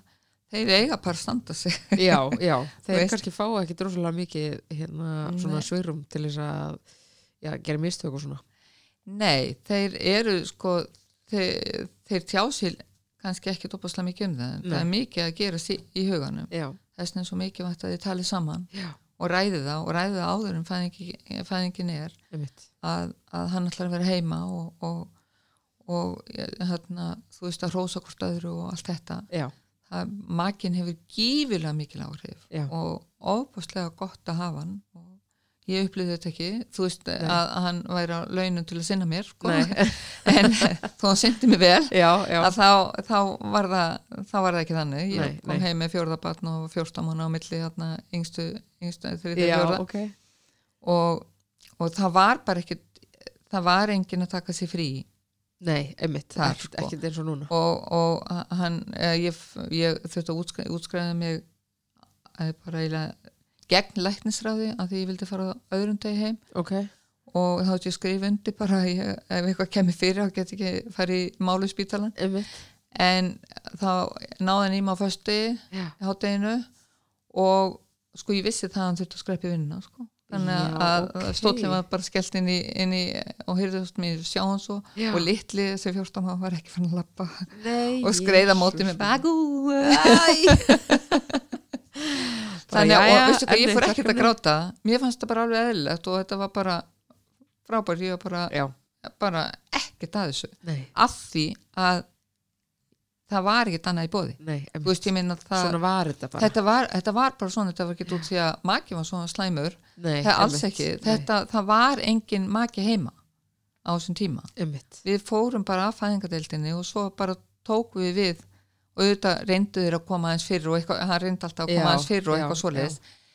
en þetta var bara ekkert öðruvís. Nei, makin var bara ekki stuðningur á þessum tíma Sko, á þessu leitinu ekki, nei, ekki að hann væri heima í hálfa mánuð já, á einmitt hans að fara neitt sko. já, og algjörlega. það er líka mjög makarnir eða ekki nefnilega að vera heima í ykkur að tvo mánuði nei, nei ég held Þeir að það eiga þurfi bara svolítið að finna taktin í, í Já, því þeir sko. eru náttúrulega að taka við þegar fæðingarólunni líkur núna já, já, þannig að, hérna það er svona e, sumir er að taka alveg tvo mánuði, þrjá mánuði Já. og eiga þau ekkert Nei, nei, já, svona pappa orlof Nei, í lok, já. e, lok þe- þess þegar mamman já, hættir. algjörlega, já, einmitt, einmitt Já. en hérna, mér finnst þetta einmitt svona áhugaverður hérna, uh, svona hluti af að vera einhvern veginn bara maki í þessu ferli Já, að það er svo lítið sem maður getur gert og bara í fæðingunni hvort sem maður er, er hérna, kona að kall sem Já. maki að það er einhvern veginn svona þú getur svo lítið gert nefnum bara verið já, og það ég held að það sé líka bara Já. ótrúlega Já. erfitt já, að geta ekki linað eitthvað þjáningar eða bara rumpa þess af Já. eða eitthvað leys ég hafði mitt, mjög mikið áhuga á því og ég var nefnilega með samkynniða konur já, og önnu var búin að fæða já, og hinn var, að- hin var svo að fæða. Já, veist já, að hinn var búin að vera í fæða Að- sjálf eh, fæða sjálf. svo svo var hún aðstandandi. Hún sagði Anna við sko að þetta er bara fáranlegt já, já, mér finnst ég bara algjörlega vængbróti já, mér finnst ég ekkert geta gert. Já, einmitt og snýst allt um það sko bara að, að mamma fær ekki að gráta og mamman, þú veist, sem, sem- sem var að, að Já, fæða, fær já. ekki að gráta og, og halda henni í jafnvægi og ég hefði ekki trú að þetta væri svo mikið mál. Ég dái staðinni hvað hún hjælt mér góður sko, þannig að það var svolítið gaman að, að því að það var hægt að skipta. Já, að, að pappin var allir orðið mamma, já, þú skilur það. já, já, þannig að, að það var svolítið gaman að heyra það því að henni fannst þetta að vera mjög, mjög erfitt hlutverk og erfiðari hlutverk heldur en að vera mamma. Já, og örgulega líka sko einmitt, uh, kannski svolítið svona skrítið að vera í þessum aðstæðum að vera búin að upplifa þetta, Já. vita veginn nákvæmlega hvernig þetta er já, en geta svo ekki gert neitt í nei, því. akkurat. Já, bara stjórnar ekki þessu svona æja, að fekk sára brjóstu og bara grátur alveg út í eitt og hvað er gert og þú veist, og, já, já, þú veist að það má eiginlega ekki við neinn, það er allt gott ef að batnaði gott og mömmin líði vel. Já, það þarf svo lítið Já. til þess að mamma fara að gráta. Já, einmitt. Og það er allt, það er bara þetta er rosalega fín lína. Já, já, já, bæði ef hún er þreytta með mig gráta já, og ef eitthvað kemur upp á batni eða þú veist, ykkur áhyggjur eða eitthvað já, þá er líka bara allt raunnið já, já, já, algjörlega, algjörlega En aðeins varandi hérna brjóstakjöfina Já. uh, hvaða ráð ertu svona að gefa í bókinni varandi brjóstakjöfina? Hvaða svona, hvaða upplýsingar svona laður áherslu á að kemur fram? ég, sko, ég laði áslu á það að leggja batn ofta brjóst eins Já. og ég talaði um hérna áðan í sambandi við fyrstu uh, tvo sólringana og náttúrulega þú veist hanga til að, að batni er búin að ná eiginlega fæðingaþyngdinni Já, og þá ræður það svolítið meira Já. þegar kúkurinn er orðinn gulur og hættur að hætt að, að gráta á skiptuborðinu. Já, að grátur á skiptuborðu þýðir að mér er kallt já, ég þarf að gráta þetta örfa hérsláttin sem halda mér hita. Um leiðu barn hættar að gráta á skiptuborðinu þá er það komið nálat fæðingarþyngdinni já, og bara líður það vel að þá getur þú hugsa ok, nú er þetta barn að fá nægilega já, og þá megi alveg vera þessi þrý tímar eða, Já, já, já, eða einmitt. bara leiða þeim svolítið að ráði yfir daginn já, já, já, já, já. þó að færi nú ekki fjóra, eða 5-6 tíma sko, Nei, en ég er að segja svona nokkurn veginn Emmitt, emmitt, ekki vera svona alveg bara íta við nei, emmitt. En hvað eins og, úst, að því nú er svona mítavarandi hérna brjóstakjöfuna og er kannski svolítið ennþá, ég heldur eindir að svona, þetta er svona komast einhvern veginn í svona eðlilegt horf þannig að bara ef að konu er ekki með barna brjóstu það er það bara til lægi. Já, veist, ég held að það sé svona að komast í þennan gýr Já. núna en ég man eftir því að fólk, konu töluð um það bara já, veist, ég minn ef hún ekki með á brjóstu og bara barni verður svo veikt og þetta verður allt ómögulegt. Hvernig er svona þín sín á, á þetta? sko, við erum bara ekkit allar eins Nei, og suma bara mjólk ekki Já. og það er ekki með þess að bara mjólku kyrtla það er bara brjóstin eru þannig Já.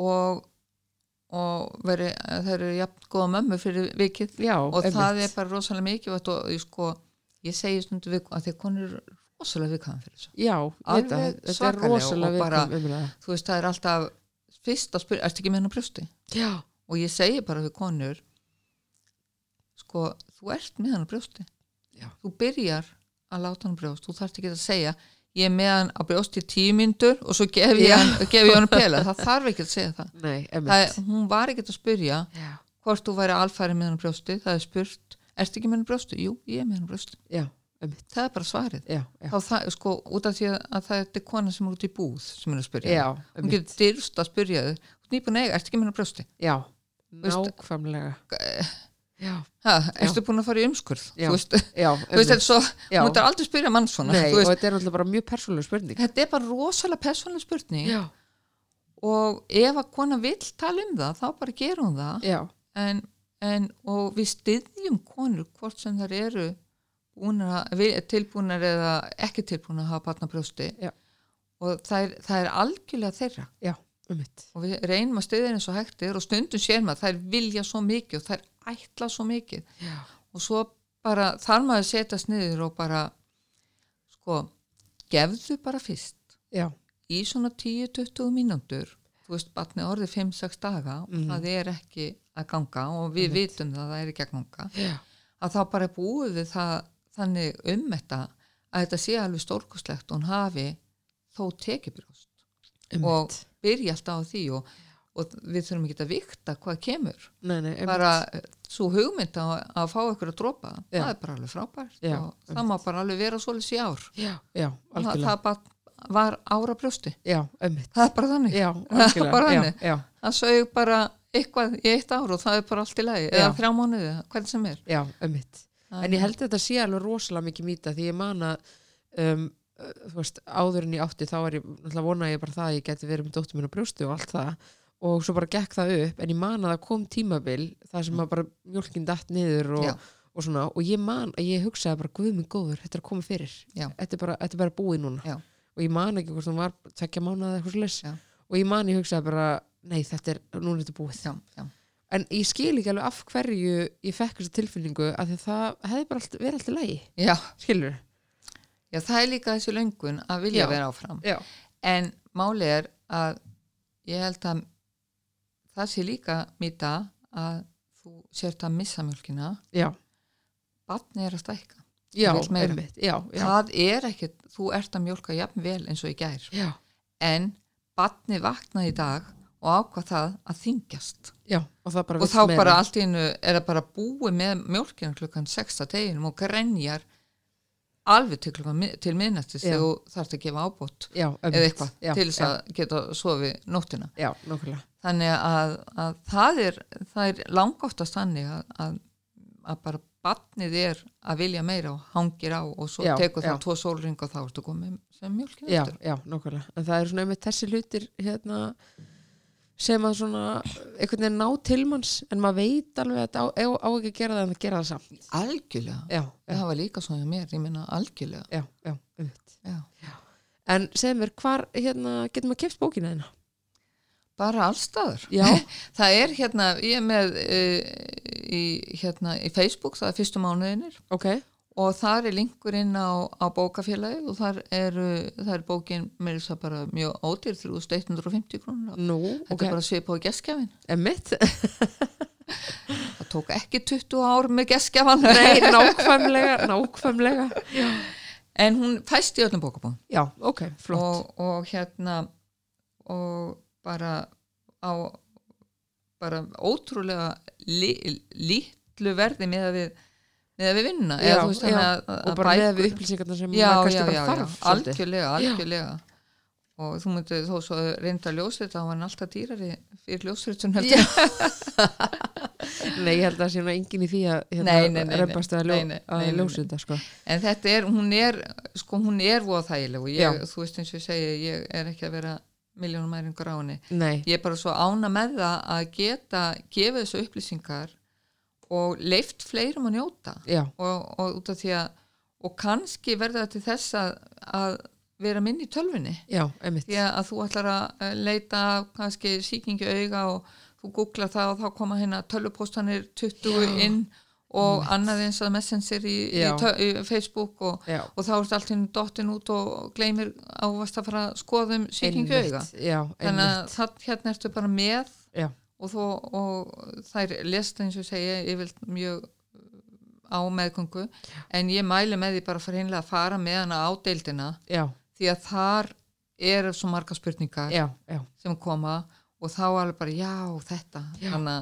Þannig að- það er bara mjög þægilegt. Já, algjörlega. Og ég held að maður finni það bara svolítið, hérna, að ég, það er rosalega gott að hafa eitthvað svona til þess að grípa í og einmitt eitthvað annað heldur en neti því að svo koma alls konar pælingar þar Já, og, já. og, veist, mismunandi sögur, upplifanir og eitthvað svona. akkurat og sískinni það er mjög, hvað á ég að gera með sískinni það er alveg heilt kaplu í sambandi við hvernig þú átt að höndla stóru systur eða stóra bróðu þegar, það kemur að þessu.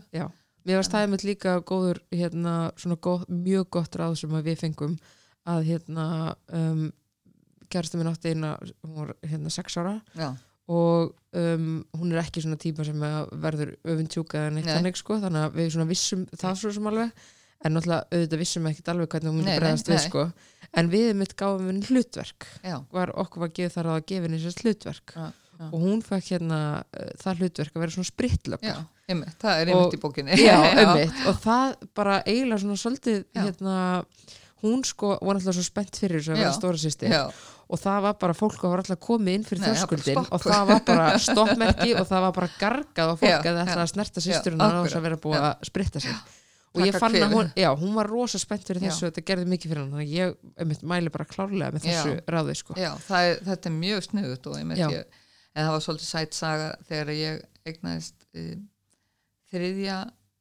batnið, þá var þessi næst elsti, þá var hann sem sagt að verða sex ára já, og ég var með hann á brjósti og, og var svona satt við liðin á, á honum og hann horfði svona á mig og sagði við mig nú ertu að hætta að elska mig. Nei, æ, og ég bara, hann var svo mikið með mig strumpur sko. Já. Og ég bara, ásti mín, nei, ég elska þið svo mikið, bara ekki segja þetta. Hann, Já. hvernig geta mömmur elskað alla jafn mikið? Ó. og ég bara, hann held ég var með svona eitt metra af ást og svo ég þurfti ég bara að já, bara á og ég segi, veistu hvað, ég elska þig svo mikið, segi ég við Já. hann og, og hann horfir á mig, ég segi, veistu hvað? Að hann litli bróðin hann er nýfættur og ég þarf að læra að elska ég, já, allt sem þú ert búin að gera ef ég elska svo mikið og þú ert búin að vera svo rosalega góð mér langar svo að hann verður svona og ég elska hann ekki eins mikið á mig segir hann, nei, ekki að því að ég þekki hann ekki. Já, að ég þarf að öðruvísi. læra. Ég elska allt sem ég hann hefur gert hinga til en það er bara svo lítið. Já, en þú ert búin að gera svo mikið alveg næstum því sex ár og ég elska allt sem þú gerir. Já, og mér langar svo að hjálpi mér að, að elska hann svona mikið eins og ég elska þig. Já. Og hann bara mamma þú verður að elska hann jafn mikið og mig. Það er bara það var bara "Jú, þannig að skamma þig. Viltu hjálpa mér? Segi ég. Og hann bara daginn eftir hvernig líður þið núna með þetta, ertu að fann að elska hann meira? Æ, og ég segi já. Ég er alveg bara miklu meira mamma þú verður að elska okkur jafn mikið þannig að hann að bara setja hann í eitthvað svona hlutverk. já, þannig að hann, hún fannst svo frábært að, að passa upp á það, ég elska það já, þannig að, að þetta var svolítið skemmtileg saga þú veist að því að, ég segi, ég segi þetta oft í heimaþjóðanstu, bara taki þessa, þessa, þessa bara sögu með þínu eldra batni, ef, ef að batni er það gamalt. Já, að það er stóra spurning og kannski það er ekki allir sem hafa voru svona opnir eins og minnstráku sem það sagt bara við mig. Já, getur veru, getur elska mig jafn mikið já, já, en sumi byrgit inni en það er einmitt ágætt að taka svona kvöld stund og ræða ást. Ræða ást á þessu batni og, og, og einmitt svolítið gaman kannski að láta eldra batni fara í það hlutverk að hjálpa þér að læra að elska já, já, já, og bara passa svona, Já, svolítið fá þetta svona, að upplifa svolítið mitt, húst, ég er stóri já, ég er stóri sýstir húst, og ég er bara með ákveði hlutverk hérna Já. gagvart þessu litla barni sko. já, einmitt og þá er þið einmitt að þú veist, hann var svo, hann var svo tilbúin að láta mig taka ástina já, já, og einmitt að passa þetta bara, Já. heyrðu, ertu nokkuð hérna, ertu nokkuð að gleyma þér? það var svolítið gaman Já, einmitt, einmitt En Anna, það er búið að vera alveg geggjað að fá þig ég hérna, þú ert alveg svona, mér langar bara svona aðeins að fá hausinu að lána þinn hérna, en maður gengur í gegnum þetta aftur en það er bara búið að vera frábært að hlusta á þig og hérna, mér finnst alveg frábært að þú hafir bara gert svona bók að því held að þetta sé nöðsilegt fyrir allar konur já, ég held hvað sem Já. að þeir geta nýtt sér úr þessu og svo bara á mismunandi hátt en Já. bara takk fyrir að gera þessa bók og takk, Takk. kærlega fyrir að koma takk innilega fyrir að fá mig og ég er bara mikið lána við höfum getað að tala bara hangt til á morgun. Já, ég efast ekki um það sko. Ég var að reyna að undirbúa mig fyrir þetta viðtal og ég bara, guð, hvað er, þú veist, ég veit ekki hvað ég á að stoppa sko, en ég held að við höfum farið yfir alveg já, hérna, ótrúlega- já, já, alveg rosalega. Já, þannig að bara takk fyrir að koma og til hamngi með hérna flottu bókina takk fyrir kærlega. Takk